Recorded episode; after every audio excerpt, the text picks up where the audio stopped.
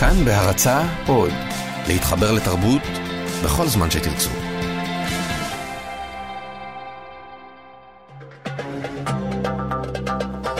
גם כן תרבות. עם גואל פינטו.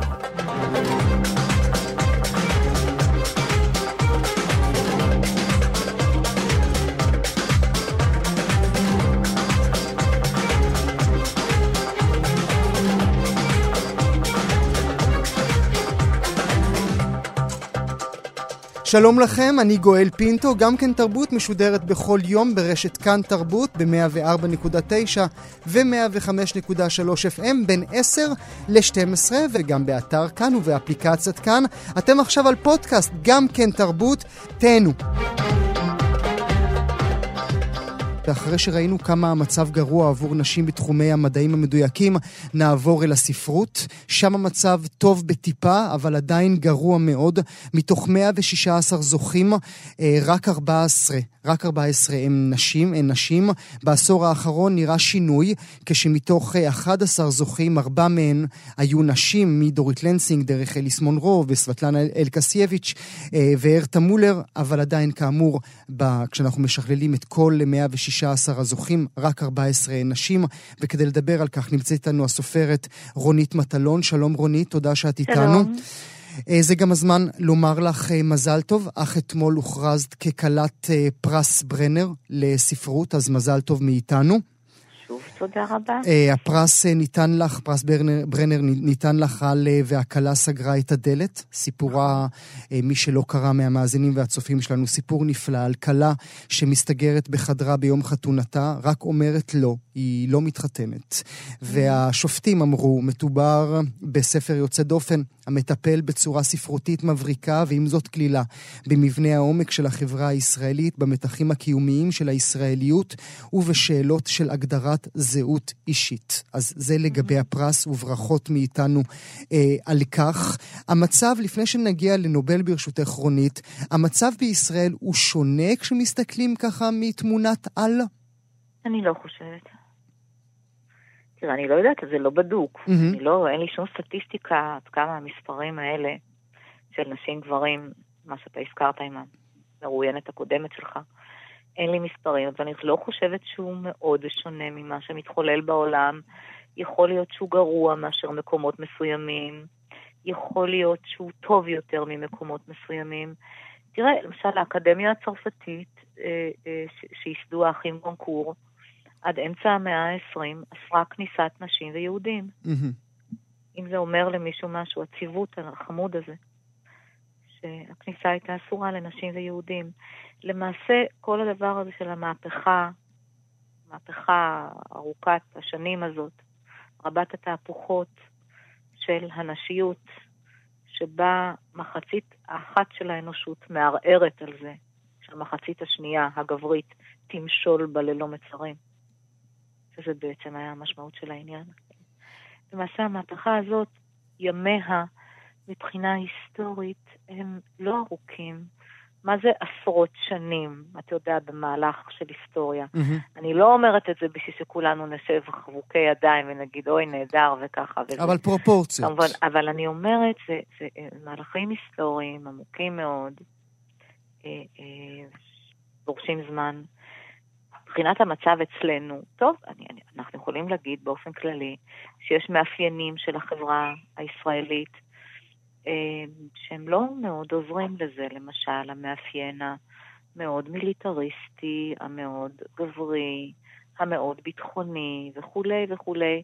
אתה יכול להוסיף עוד ועוד מילים כאלה והסברים כאלה.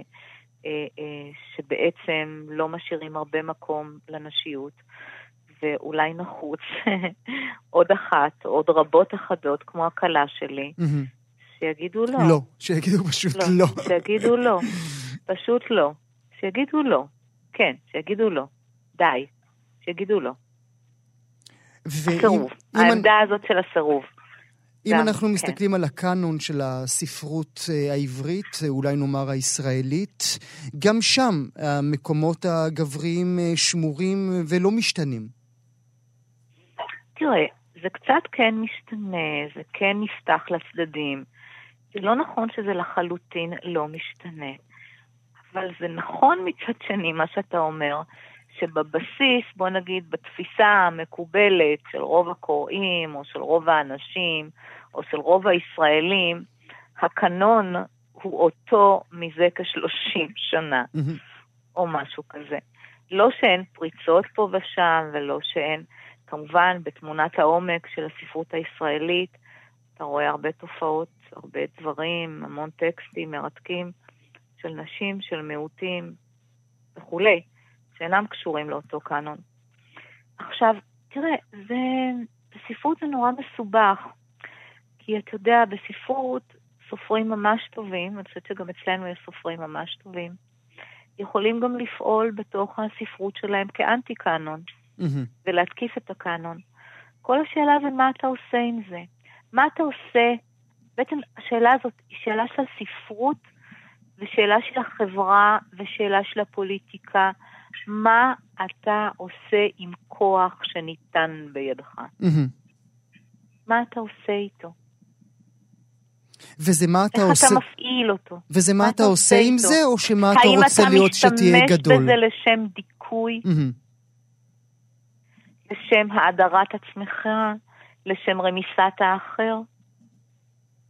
או שאתה משתמש בכוח הזה לדברים אחרים לגמרי, של לאפשר דברים, לאפשר מרחב וכולי.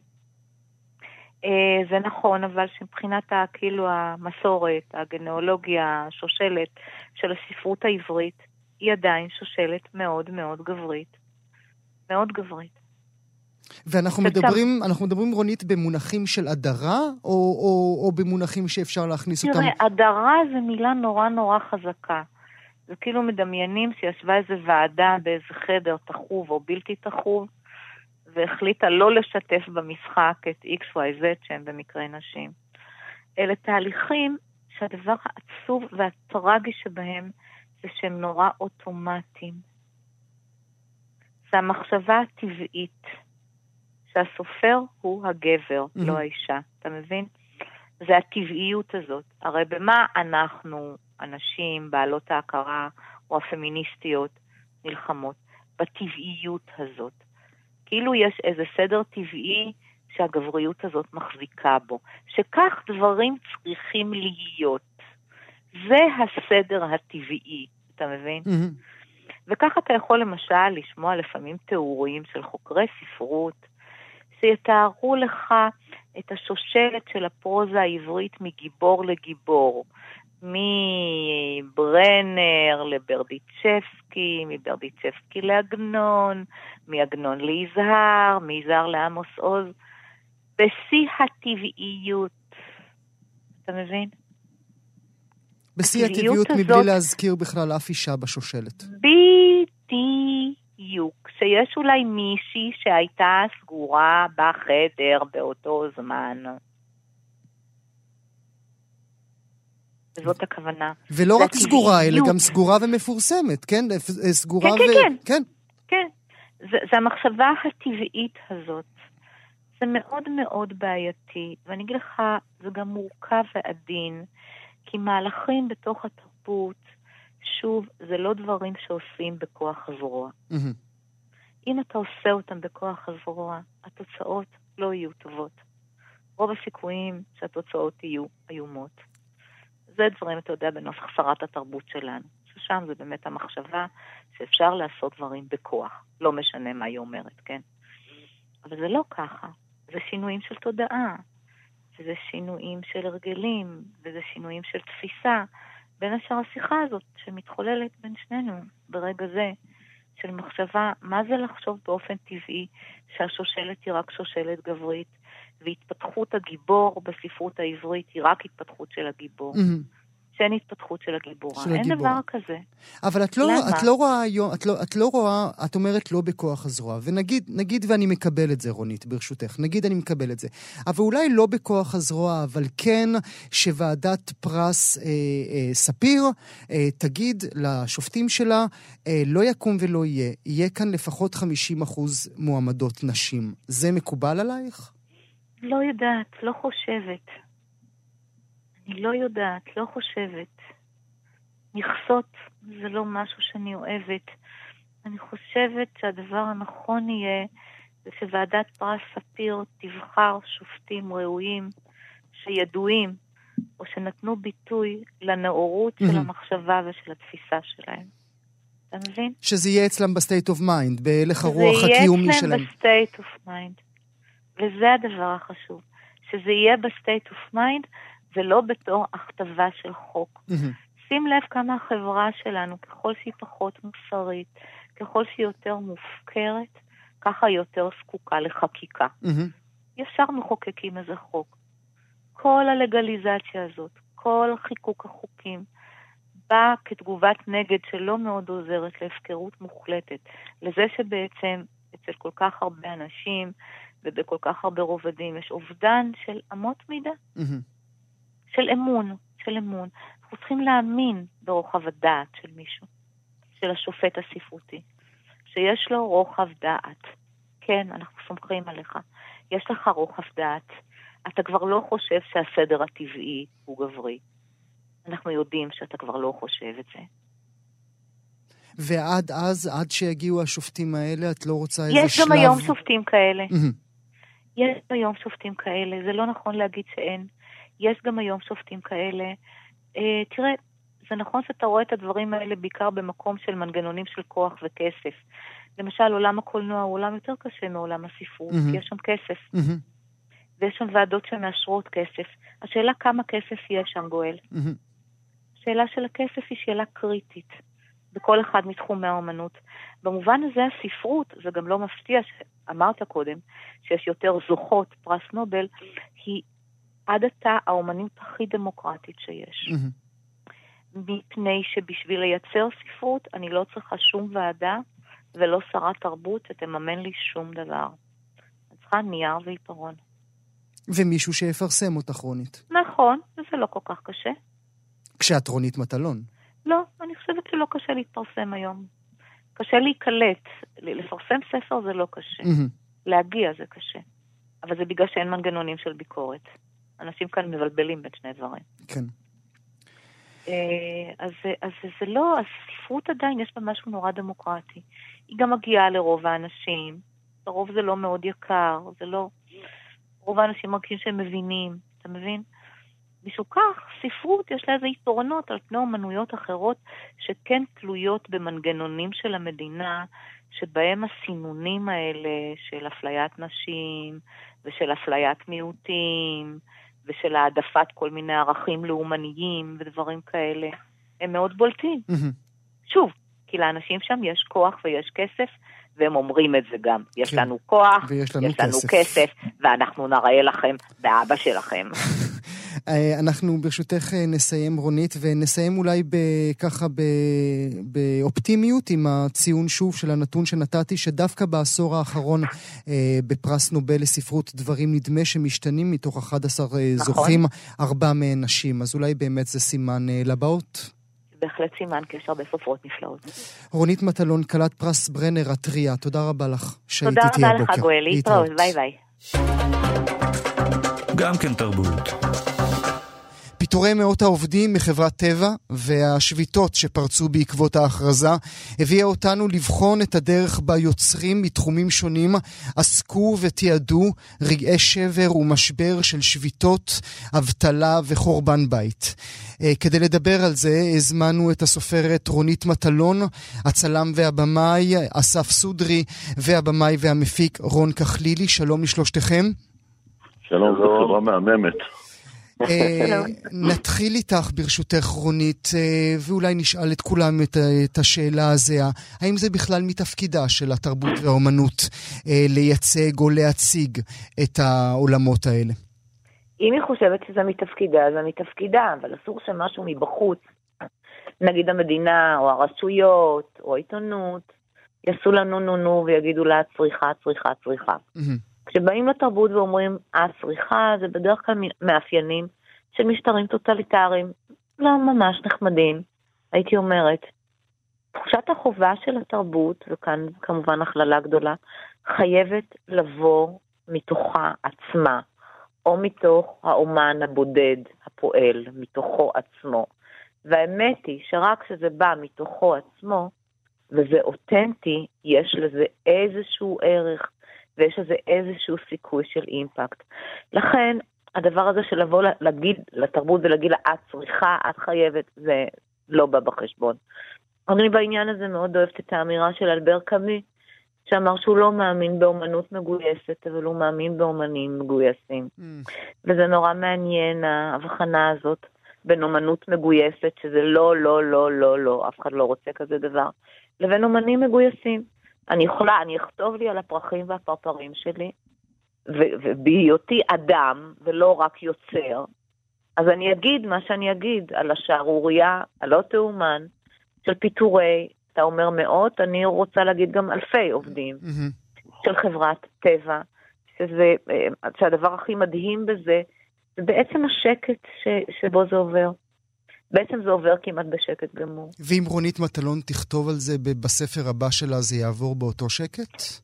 אני לא יודעת, קודם כל, אני... תודה רבה לך שאתה חושב שאם רונית מטלון תכתוב על משהו בספרה, זה יזיז משהו במציאות.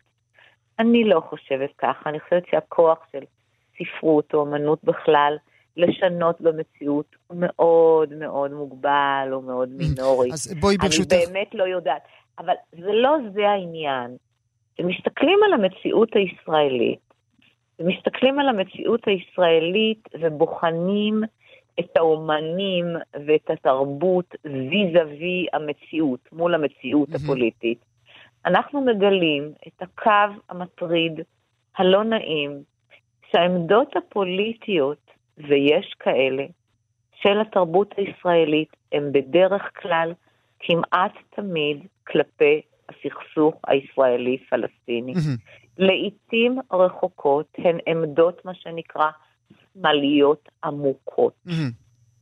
כלומר, שמביאות בחשבון שאלות של חברה, שאלות של מעמד, ולא מהצד של פוליטיקת הזהויות, המזרחים, הרוסים, הזה. המעמד, המעמד של הבן אדם. תגיד כמה אתה מביא הביתה. על זה אני מדברת. אה, נעבור אה, ברשותך אל אסף, ואני, אסף, אה, מתחבר אל דבריה של רונית שחיבר, ש, שציטטה את קאמי. אתה, כשאתה לפני כעשור, נכון? זה היה עשור, נכון. ביימת יחד עם אמיר טאוזינגר את שביתה. היית אומן מגויס? הייתי אומן, הייתי בן של פועל, שהחיים של הפועל היו, אתה יודע, החיים שלי בעצם, אז אני הייתי מחובר באופן אישי לדרמה הזו, לחברה הזו, לאנשים האלה, אז אה, זה היה משהו אישי שלי. אבל אני חושב שכשרונית אה, אומרת מגויס, היא מתכוונת לרובד נוסף מעבר למחובר. תראה, אני, קשה לי אה, לערבב בין האומנות לפוליטיקה, כי יכול להיות שהייתי בתור אדם פוליטי מאוד... Uh, אה, עם עמדות סוציאליסטיות או עמדות מאוד ברורות מעמדית, אבל אומנותית אה, לא הייתי מרגיש מחויב ככה, ולא, וזה גם בסדר, הייתי גם סולח לעצמי. כאילו אומנות היא לא יכולה להיות, אתה יודע, שום דבר חוץ מהקפריזה הטוטאלית של האומן. אין לה שום תפקיד אחר, הוא גם מייצר אותה, אז אה, אין לי, אתה יודע, אני לא מרגיש מחויב לשום דבר, חוץ, אתה יודע, מלנפש שלי. ו... במקרה, במקרה אני אדם, אתה יודע, שגדל עם אה, פועל שעבד 30 שנה בעטה, וכל החברה של הפועלים וההוואי של הפועלים, זה חלק מהחיים שלי. בגלל זה אני התחברתי לאנשים האלה, וראיתי בהם אה, את הדמות של אבא שלי. ו- וזה חיבר אותי רגשית מאוד חזק לאנשים האלה. וגם אמיר, אבא שלו היה פועל, הוא היה מחובר רגשית לאנשים האלה, וזה מה שצריך. העמדות הפוליטיות שלי, יכול להיות שהייתי מרקסיסט או קומוניסט בפעילות הפוליטית שלי, אבל באומנות הייתי אסקפיסט, וזה יפה גם כן. ורק כדי ככה לסגור את הקצוות עבור המאזינים והצופים שלנו, אנחנו כמובן מדברים על שביתה, אה, נכון. סרט מ-2005, אה, שתיעד בעצם את השביתה בחיפה כימיקלים בדימונה והניסיון לדכא אותה. רון, אני עובר אליך ברשותך. השורה התחתונה היא שהאומנים ואנשי התרבות, אה, בכל, באמת, חפרתי בראש ובגוגל ושוחחתי עם אנשים. העובדה הפשוטה היא ששדה האומנות כמעט ואיננו מתעסק. בדברים האלה. נכון, רונית רמזה על זה לפני כן. גם, גם העמדה של אסף אה, קצת אה, מרמזת על זה בעקיפין. כן, הרוב, רוב היוצרים, או לפחות החלק המשמעותי שלהם, לא מתעסק, מתעסק אה, בדברים אחרים. הייתי קורא להם ממש ממש מעבר לגדר, זאת אומרת מעבר לחומה, זאת אומרת ממש שם. הוא לא פחות רואה את השכן מהדלת ממול, בין אם נשים אותו בקטגוריה מעמדית או קטגוריה אתנית או דתית או מגדרית. אה, הוא לא רואה את השכנים שמולו, הוא לא רואה את הסביבה שמולו, הוא רוצה להיות כזה מין אה, קוסמופוליטי, מעל העניינים, מעל הסכסוך. וכולי וכולי, וכשזה מתדפק על דלתו האישית, אני חושב שהוא די סוגר אותה ודי נבהל ממנה. אתמול כשדיברת איתי לתחקיר, הסרט היחידי שיכולתי לחשוב עליו הוא באמת הסרט של אסף, שביתה. אני כמעט ולא זוכר עוד, עוד, עוד סרטים, הלכתי גם לספרות, אולי פה רונית תוכל לעזור לי, אני, אני גם שם לא ממש מצאתי, אה, אלא ספרות זרה מתורגמת. אני לא זוכר ספרות מקורית שמדברת על מאבקי פועלים או על מאבקים מעמדיים במובן הכי פשטני של המילה. כי יותר הגיוני... אני גם לא זוכר, אני גם לא זוכר אגב אה, אה, אומנות פלסטית או אחרת יותר אבל אני כן זוכר על פליטים ואני כן זוכר פלסטינים ואני כן זוכר מהגרי עבודה mm. בחולות וכל מיני דברים. את זה אני כן זוכר. יותר הגיוני שאנחנו ניכנס אל תוך חלל מוזיאון ואנחנו נמצא אה, עוד תערוכה על כיבוש או עוד תערוכה על פליטים. על נווה שאנן. אבל לא, אבל לא על... אבל, אבל לא על שביתות ועל חורבן בית אה, פרטי אישי שלנו כאן.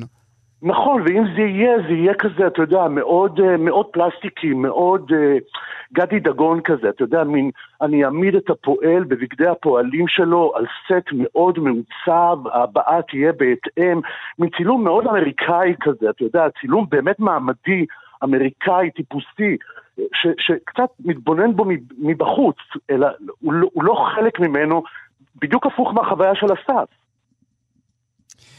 אני רוצה להתחבר אלייך, רונית, שוב ברשותך, אה, ו- כן. ולקרוא משהו.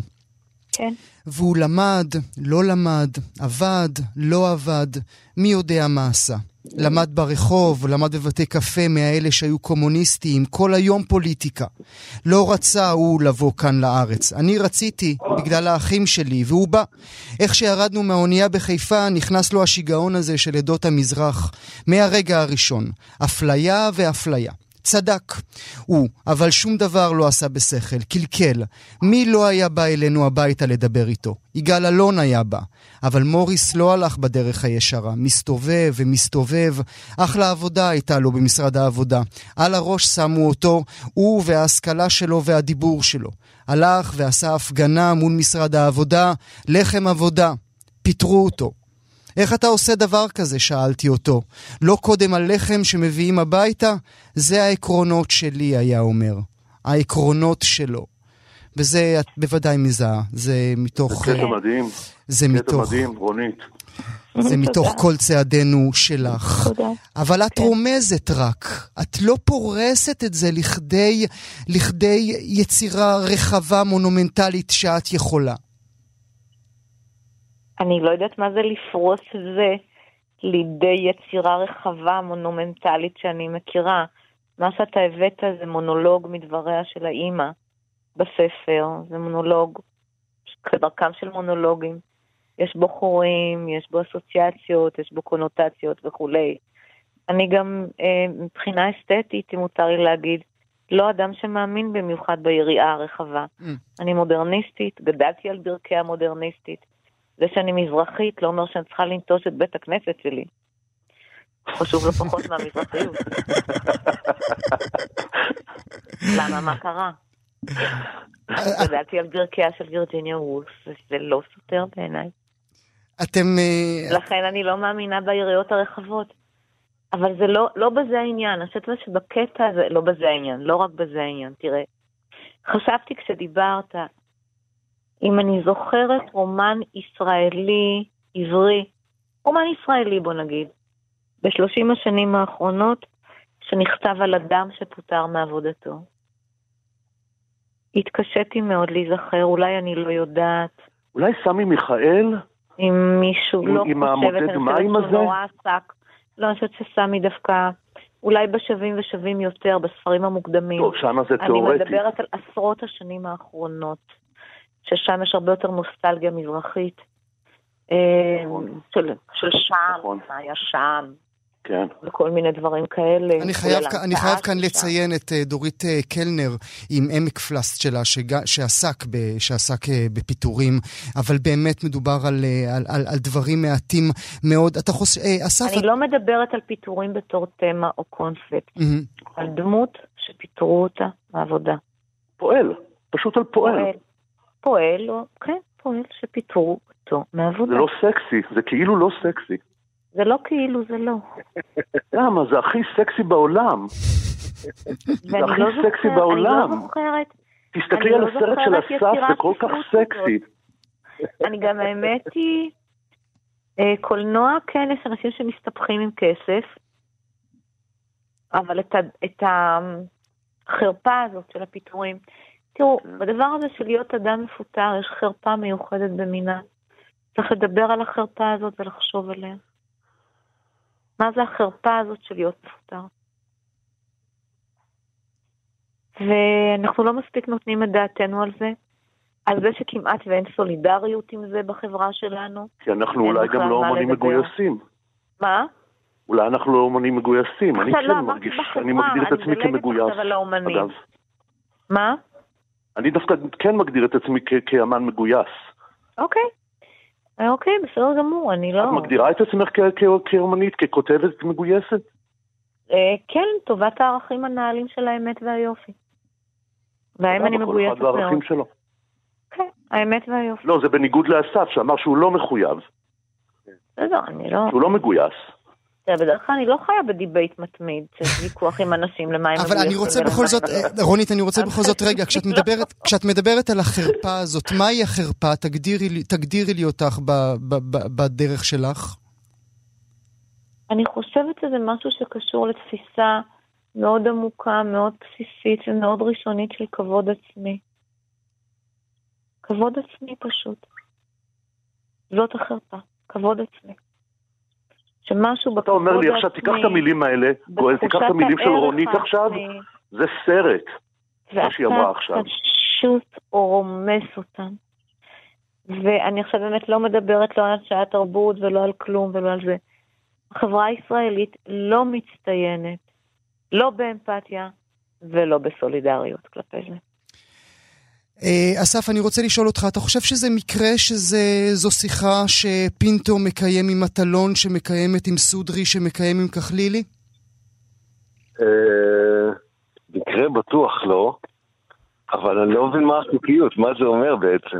אני שואל אותך. אני לא יודע, אני, אני, אני, כיף לי להיות עם, עם שני אנשים כאלה מעולים, אבל אה, אתה יודע, יכולת לראיין באותה מידה הרבה אנשים שעשו דברים. אני, אני כן זוכר, אני זוכר את הסרט של ג'אד נאמן שעשה על שביתה של הפועלי נמל, אתה יודע, השביתה שהייתה בשנות החמישים, בן גוריון. אנשים עשו דברים, אתה יודע, וזה... ולפעמים בשבילי, אתה יודע, ההומניזם וה, והשוויון והצדק לא באים דווקא, ב, ב, ב, אתה יודע, בסיטואציה הספציפית הזו. לפעמים היא באה מתוך דיכוי של אדם מצליח. הדיכוי יכול להיות גם של אה, מנכ"ל או איש הייטק, החוסר סולידריות, הלחץ. אה, זה לאו דווקא רק הלחץ הכלכלי, כאילו יש משהו נפשי שהוא יותר רחב מבחינתי. אה, אתה יודע, וזה גם משהו אישי, אנשים מדברים על, אתה יודע, זה שאלה של סיטואציה משפחתית, זה שאלה של סיטואציה אישית. אני נגד, אתה יודע, לבוא ולקטלג את זה. כי אני שראיתי הרבה יצירות גרועות על פיטורים, ראיתי הרבה סרטים נוראים שלא היה בהם שום דבר שגרם לי להזדהות, והם היו פטרנליסטים, ולא הרגשתי, דווקא בגלל, אפילו בגלל שהם מתעסקים ב, לכאורה בנושאים חברתיים, לא היה לך אימפקט מבחינתי. אני מרגיש אימפקט הרבה, סוציאל... הרבה יותר סוציאליסטי שאני קורא את מישל וולבק. מבחינתי הוא הרבה יותר סוציאליסט ואנרכיסט אה, מאשר הרבה אנשים, אה, יצורים צרפתיים שכאילו מדברים על עוני, וזה נשמע פטרנליסטי ונוראי. אז אה, אני לא שמה. רון, אתה חושב שהעובדה שהפעם אלה עובדי חברת טבע, שאולי הדימוי, ואני מדגיש הדימוי, שאולי הדימוי שלהם שונה מהדימוי של uh, פועלי, uh, לא יודע, תאמר לי אתה, uh, פרי... נגיד קרמיקה. כן, נגיד, אז זה ישנה? זה, זה יהווה איזושהי תמונה אחרת? אני בטוח שכן, זה מגיע לשדרה, אתה יודע, זה מגיע לשדרות רוטשילד. זה מהר מאוד מגיע לשדרות רוטשילד. אה, אני מניח שהעובדי נמל, שוב, על פי הדימוי, עובדי, אה, עובדי טבע נתפסים לפחות מבחינתי כהסטריאוטיפ שאותו הציג אה, יאיר לפיד בתקופת הבחירות על ריקי כהן מחדרה.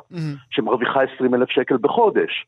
והציג אותה כאיזה מין, איך עומדת על גדר, עומדת על חוד של סכין ואו-טו-טו היא נופלת. והוא, יאיר לפיד, עומד לעזור לה. זה בדיוק מזכיר לי את הסטריאוטיפ הזה. עכשיו, השאלה היא, השאלה היא מי מזדהה או מי מרים את הסטריאוטיפ הזה לווליום שבו הוא נמצא היום, ואני לא מסכים עם רונית, אני חושב שפיטורי טבע הם לגמרי לגמרי בראש החדשות ובראש סדר היום כבר כמעט שבוע. Mm-hmm. אני רואה כל הדיונים על זה, אני רואה אה, אה, שידורים ישירים מתוך המקום הזה, אני מסכים שאין דיוני עומק, אה, אלא הכל כזה מאוד שטוח, מאוד סלפי כזה. אבל, אבל זה כן כבש את התקשורת, בדיוק כמו שמחאת 2011 כבשה את התקשורת, כי עדיין מדובר בבשר מבשרה.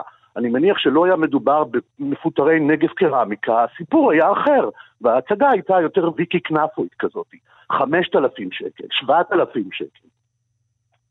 אתה מבין, זה, זה, יש פה תמיד, יש פה את, ה, את, את הכניסה הזאת, למה מאבק אחד כן מצליח להגיע לכותרת ומאבק שני לא מצליח להגיע לכותרת מעבר לעניין הגיאוגרפי, שנניח נגב קרמיקה זה נורא נורא רחוק, הרבה מעבר להרי החושך, בעוד שטבע אה, אה, אה, זה ירושלים ואני לא יודע, וערים מרכזיות אחרות. זו, זו שאלה, זו שאלה מתי, מי, מי, צריך לשאת את ה, מי צריך לשאת את הנאום המרכזי כשהוא הופך את ארגז התנובה ועומד בכיכר העיר, מי צריך לשאת את הנאום המרכזי כדי, כדי שהתקשורת תבוא. פעם זו דפני ליף, פעם זה אלדד יניב, והפעם הזאת אין לי מושג מי, אבל ברור לי לגמרי שכל הסיפור של טבע לגמרי יושב במרכז החדשות. כן, להבדיל ממאבקים אחרים שלא הצליחו לשזות את הפריים טיים אפילו ולו לשנייה. אפילו שנייה אחת. רונית, את, יכול, את יודעת לומר מדוע מאבק זה כן ומאבקים אחרים לא? קודם כל, אני לא בטוחה שאני מסכימה שזה כן ואחרים לא. זה שהתקשורת שם סורות. אז מה? מה, זה, זה אומר שזה, זה אומר שזה בשיח. אני לא, אומרת, אני לא אומרת שזה לא חשוב בכלל שהתקשורת נמצאת שם. כמובן, תראה, גם אני לא צריכה בוודאי לספר לכם, בטח לא אני, מה זה טבע ומי זה טבע ומה זה מייצג באתוס הישראלי. כשכזה דבר קורס ככה, זה הרי פשוט, איך להגיד, פדיחה בלתי רגילה.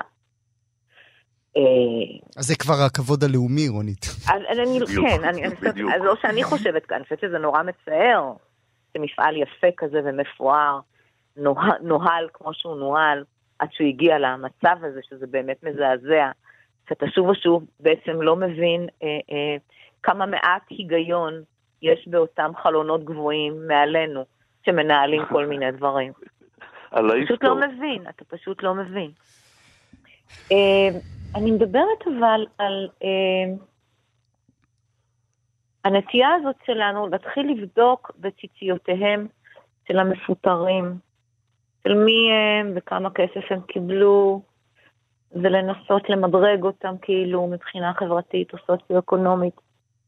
אני לא אומרת שזה לא מעניין, אבל אני חייבת להגיד שזה לא פוליטי.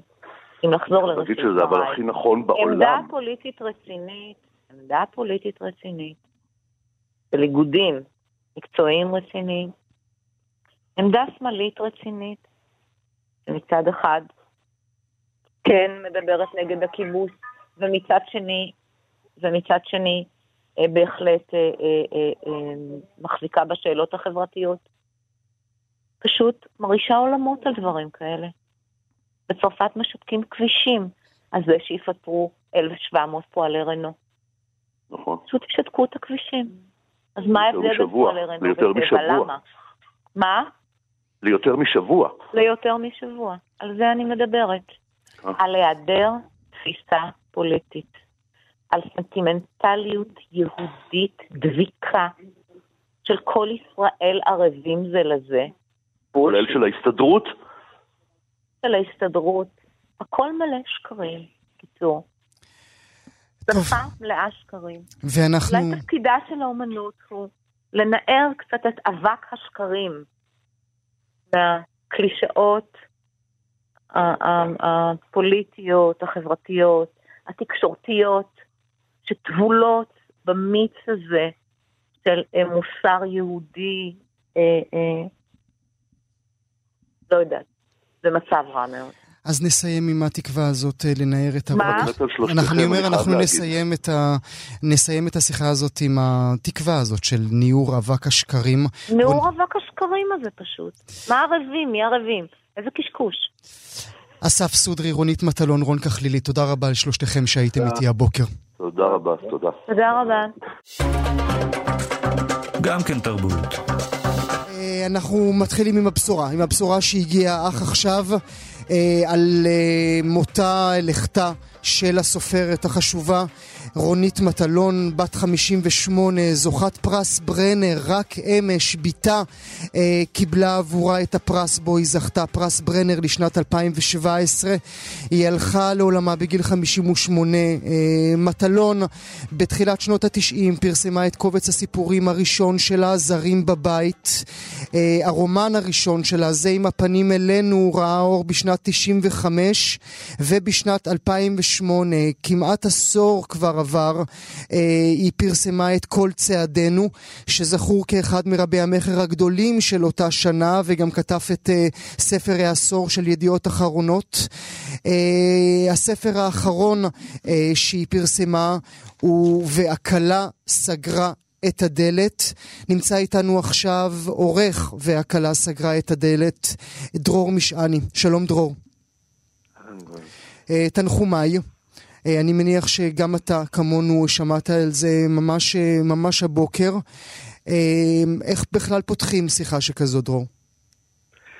האמת שאני לא יודע, אני לא יודע, אני, אתה יודע, בשביל אירונית היא קודם כל חברה מאוד מאוד קרובה, ו... והבוקר הזה הוא בוקר נורא נורא קשה, בוקר שבו אני קם בלי אחת החברות הכי קרובות שלי. אמ, כן, וזה בוקר שבו אנחנו גם, אתה יודע, כולנו מתחילים להתגעגע לסופרת גדולה, אמ, אבל בשבילי בינתיים זה בעיקר לחברה.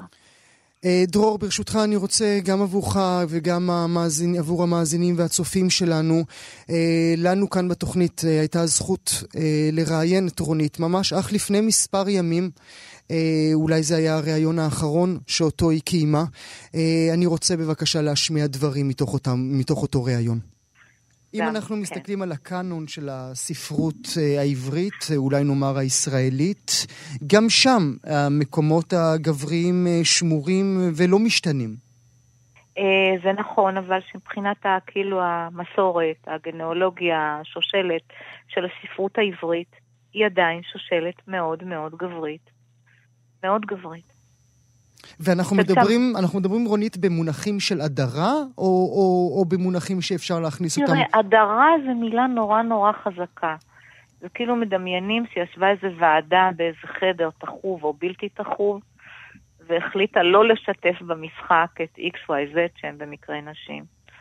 אלה תהליכים שהדבר העצוב והטרגי שבהם זה שהם נורא אוטומטיים. המחשבה הטבעית. שהסופר הוא הגבר, mm-hmm. לא האישה. אתה מבין? זה הטבעיות הזאת. הרי במה אנחנו, הנשים, בעלות ההכרה, או הפמיניסטיות, נלחמות? בטבעיות הזאת.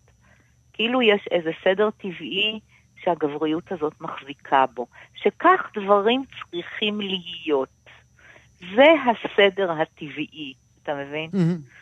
וכך אתה יכול למשל לשמוע לפעמים תיאורים של חוקרי ספרות, שיתארו לך את השושלת של הפרוזה העברית מגיבור לגיבור. מברנר לברדיצ'בסקי, מברדיצ'בסקי לעגנון, מעגנון ליזהר, מיזהר לעמוס עוז, בשיא הטבעיות. אתה מבין? בשיא הטבעיות הזאת... מבלי להזכיר בכלל אף אישה בשושלת.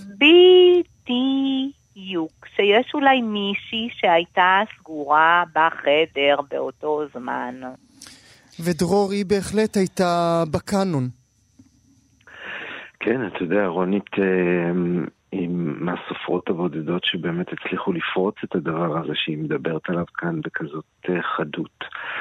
אתה יודע, רונית הייתה לא רק סופרת ענקית, היא גם באמת הייתה מהסופרים האינטלקטואליים הבודדים שיש לנו, כלומר, היא הייתה מבקרת מבריקה של התרבות העברית. אמ.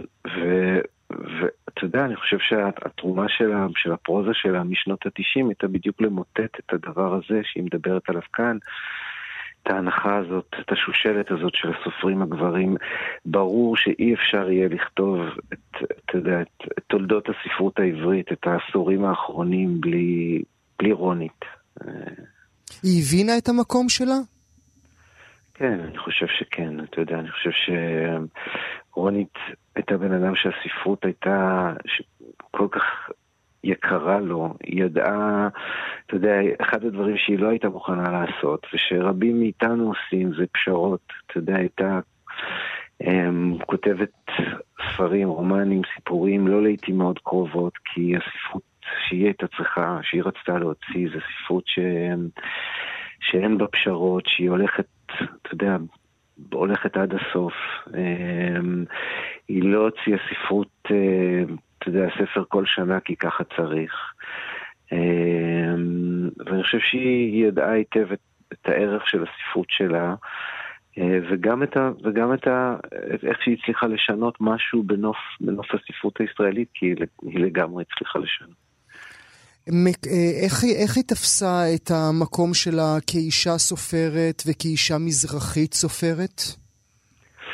אני חושב שרונית הייתה קודם כל סופרת, היא חשבה על עצמה כעל סופרת שאתה יודע, ההיכרות של רונית עם ה... זה לא רק עם תולדות הספרות העברית, כמו שיכולת לשמוע פה בשיחה הזאת, אלא בכלל עם, אתה יודע, עם הספרות, אה, הייתה עמוקה יותר משל... רוב חוקרי הספרות והסופרים שאני מכיר. אה, ו- ורוני חשבה על עצמה קודם כל כעל סופרת שמתמודדת עם, עם הדבר הגדול הזה שנקרא ספרות. אני חושב שאחר כך היא ידעה את המקום שממנו היא כותבת, היא ידעה שהיא כותבת כאישה, היא ידעה שהיא כותבת, אתה יודע, עם הביוגרפיה המזרחית שלה, אבל היא גם סירבה להזדהות באופן טוטאלי עם המקום הזה. וזה היה אחד מהדבר, הסירוב הזה שלה להזדהות טוטאלית עם, ה, עם הדבר הזה שנקרא ספרות נשית או ספרות מזרחית. וההתעקשות שלה שהיא קודם כל סופרת, נכון? גם אישה, גם מזרחית, אבל קודם כל סופרת. אה, הייתה אולי, הסירוב הזה וההתעקשות הזאת היה אולי חלק מהכוח שלה. דרור מישני, תנחומים מאיתנו, אה, עדיין אנחנו לא יודעים על אה, מועד ההלוויה, אז אנחנו כמובן ברגע שנדע אנחנו נעדכן. דרור מישני, עורך ספרה האחרון של רונית מטלון, שהלכה הבוקר לעולמה בגיל 58. תודה רבה לך שהיית איתי היום. תודה, ביי. נעשה קצת rewind, כן. נגיד שלום אה, למאיה כהן, שלום, שמגישה גואל. יחד איתי בימי חמישי את התוכנית שלום מאיה. כן, יום חמישי לא סטנדרטי במיוחד. לגמרי אבל... לא. כן. תודה גם לכם צופים ומאזינים יקרים שהצטרפתם אלינו. תודה לשלומי בן עטיה, לנדב אלפרין, לרז אה, חסון, ל, ל, ל, למשה מושקוביץ שגם נמצא איתנו. אנחנו עוד רגע נגיד לכם מה הולכת להיות, איזה תוכנית בעצם תכננו עבורכם, מאיה, תכננו תוכנית מלאה בתופינים ודברים נהדרים, אבל לצערנו הבשורה על לכתה, על מותה של אה, רונית מטלון, אחת מגדולות הסופרות, אה, הסופרים שלנו כאן אה, בארץ, הלכה הבוקר לעולמה. נמצא איתנו עכשיו הסופר אימן סיקסק, שלום אימן. שלום גואל. Uh, כמובן, אימן סיקסק, ספרך האחרון, uh, תשרין, ועוד לפני שנתחיל, אני רוצה להקריא משהו ברשותך, אימן, uh, עבורך, עבור המאזינים, הצופים. הוא גדל ברחוב, אפשר להגיד. מאז ילד הסתובב ברחובות בקהיר, בתי קפה ובתי קפה. האימא שלו מסכנה, הייתה אריסטוקרטית, חצי משוגעת. כל הבית שם על גלגלים. נכנסת וראית ערימות וערימות. האבא שלו היה מכניס לנשים למיטה, שיגע אותה מסכנה והלך. היה עורך דין, הוא, האבא שלו. הייתה האימא שלו שולחת את מוריס למשרד של האבא לבקש ממנו כסף. ימים היה מייבש אותו בחוץ עד שנתן לו להיכנס. היה יושב בחוץ כמו מסכן עם כל המסכנים ומחכה לכסף של האבא. זה מתוך uh, כל צעדינו, הרומן המונומנטלי uh, שרונית uh, השאירה לנו, uh, כתבה אותו ב-2008. אתה למדת אצל רונית, נכון אימן? נכון, גואל, ואני חושב שמה שניכר מהקטע שהקראת הוא היכולת המדהימה של רונית גם בטקסט ובכתיבה וגם uh, כאדם וכחברה, לפתוח מיד עולם, בשתי מילים להכניס אותך לשם, שאתה מרגיש ורואה את מה שרונית מתארת. היא הייתה מאוד ו... קצרה במילים, לא? היא לא הייתה צריכה ככה איזה פסקאות אה, ארוכות עד אינסוף. מאוד קצרה ומאוד קמצנית במילים, אבל נדיבה מאוד בתוכן. והיום כשמדברים הרבה על העלייה של הספרות המזרחית והרעש והצלצולים שיש סביב זה, רונית עשה את זה אחרת. רונית אה, פילסה את הדרך הזאת בצורה שונה לגמרי, בלי רעש, בהרבה מאוד אה, אינטלקטואליות ואורך רוח. רונית עשתה שינוי אמיתי. היא גם... כן. היא גם דיברה הרבה על האהבה שלה ללמד. ספר לנו איזה מורה היא הייתה. בשבילי רונית מטלון תמיד תישאר המורה שלי. היא הייתה אה, המורה שלי לכתיבה יוצרת לפני לפחות עשר שנים באוניברסיטה העברית. Mm-hmm. היא הייתה מור, מורה מאוד קשה.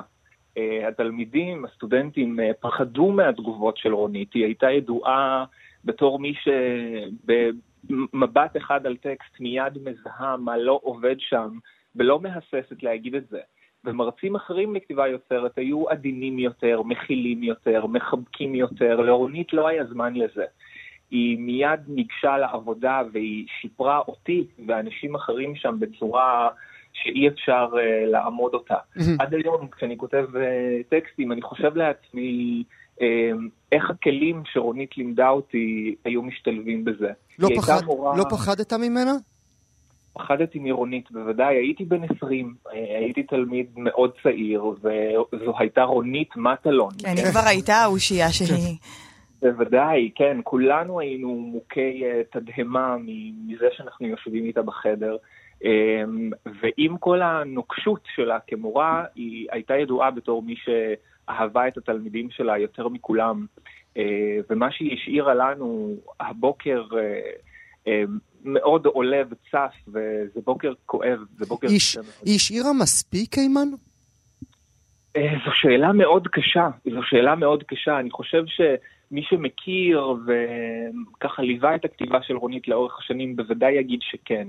ומצד שני אי אפשר לא להיות עצוב על מה שהיא עוד הייתה יכולה לעשות כשהיא הלכה בגיל כל כך צעיר. אה, כל צעדינו היה רק התרועה האחרונה במה שהיא עוד הייתה יכולה לתת לנו, אה, אז זו שאלה שקשה לענות עליה. היא השאירה המון, אבל אולי לא מספיק. דבר איתי, דבר איתי מההיכרות שלך מעט על הפער אה, בין חוסר הרצון שלה להזדהות בשום דבר אה, מלבד היותה סופרת, לבין הכתיבה שלה שמלאה ברבדים שכאלה. אני חושב שאצל רונית המאבק הזה, השיחה הזאת, התקיימה באמת בצורה החזקה ביותר בכתיבה. אה, אבל היא גם סלדה מכל אה, מה שנחשב כעסקנות, אה, כדיונים שאמורים רק לעורר שיח וקונפליקט, והיא בזה לדברים האלה, רונית, והיא הייתה מאוד חדה וברורה. במרחק שלה מהשיח הזה. אבל הכתיבה הייתה בנפשה, והיא כתבה את מה שחשוב לה ואת מה שמעורר בה, מעורר בה רגשות חשובים, וגם את מה שהיה חשוב לה שהחברה הישראלית תדון בו. Mm-hmm. וזה מה שרונית הצליחה לעשות, להרחיב את השיח שלנו על איך אנחנו מדברים על ישראלים, mm-hmm. להראות אה, עוד צבעים וסוגים של ישראלים שאנחנו לרוב אולי לא ערים להם. מה שאני תמיד נדהמתי ממנה בשיחות שקיימתי איתה, בראיונות שקיימתי איתה, זה שכל פעם שרונית דיברה, כולם שתקו. כן. אבל היא סירבה לקחת על עצמה את תפקיד האדמו"רית. כמו אה, סופרים גברים אחרים שלקחו את תפקיד האדמו"ר אה, בשמחה רבה. נכון, וזה אולי עוד הבדל, אני לא יודע אם גם הוא קשור אה, להבדל אה, בין גברים לנשים, אבל זה באמת אה, הבדיל אה, אה, את רונית, היא לא רצתה, היא, היא לא רצתה את הבמה הזאת. אה, וכשאנחנו מסתכלים היום על סופרים שמדברים בהפגנות ובכל מיני אירועים אה, אה, עם פרופיל גבוה כזה או אחר, רונית באמת התרחקה מזה נורא, אבל בקטן, עם הסטודנטים שלה, עם האנשים שהקיפו אותה, ביוזמות חברתיות קטנות, היא הייתה מאוד פעילה. היא פשוט לא רצתה את הפלאשים של המצלמה, היא נורא זלזלה בזה. אימן סיקסק, תודה רבה לך שהיית איתי הבוקר. תודה רבה. תודה. כאן הגיעה לסיומה תוכנית נוספת של גם כן תרבות. תודה רבה שהייתם איתנו. תודה לעורך נדב אלפרין, למפיק שלומי בן עטיה. אה, אנחנו כרגיל שולחים אתכם אל עמוד הפודקאסטים שלנו. כאן.org.il/פודקאסט, יש שם המון דברים טובים, שיהיה לכם כיף להאזין להם. תודה רבה שהייתם איתנו.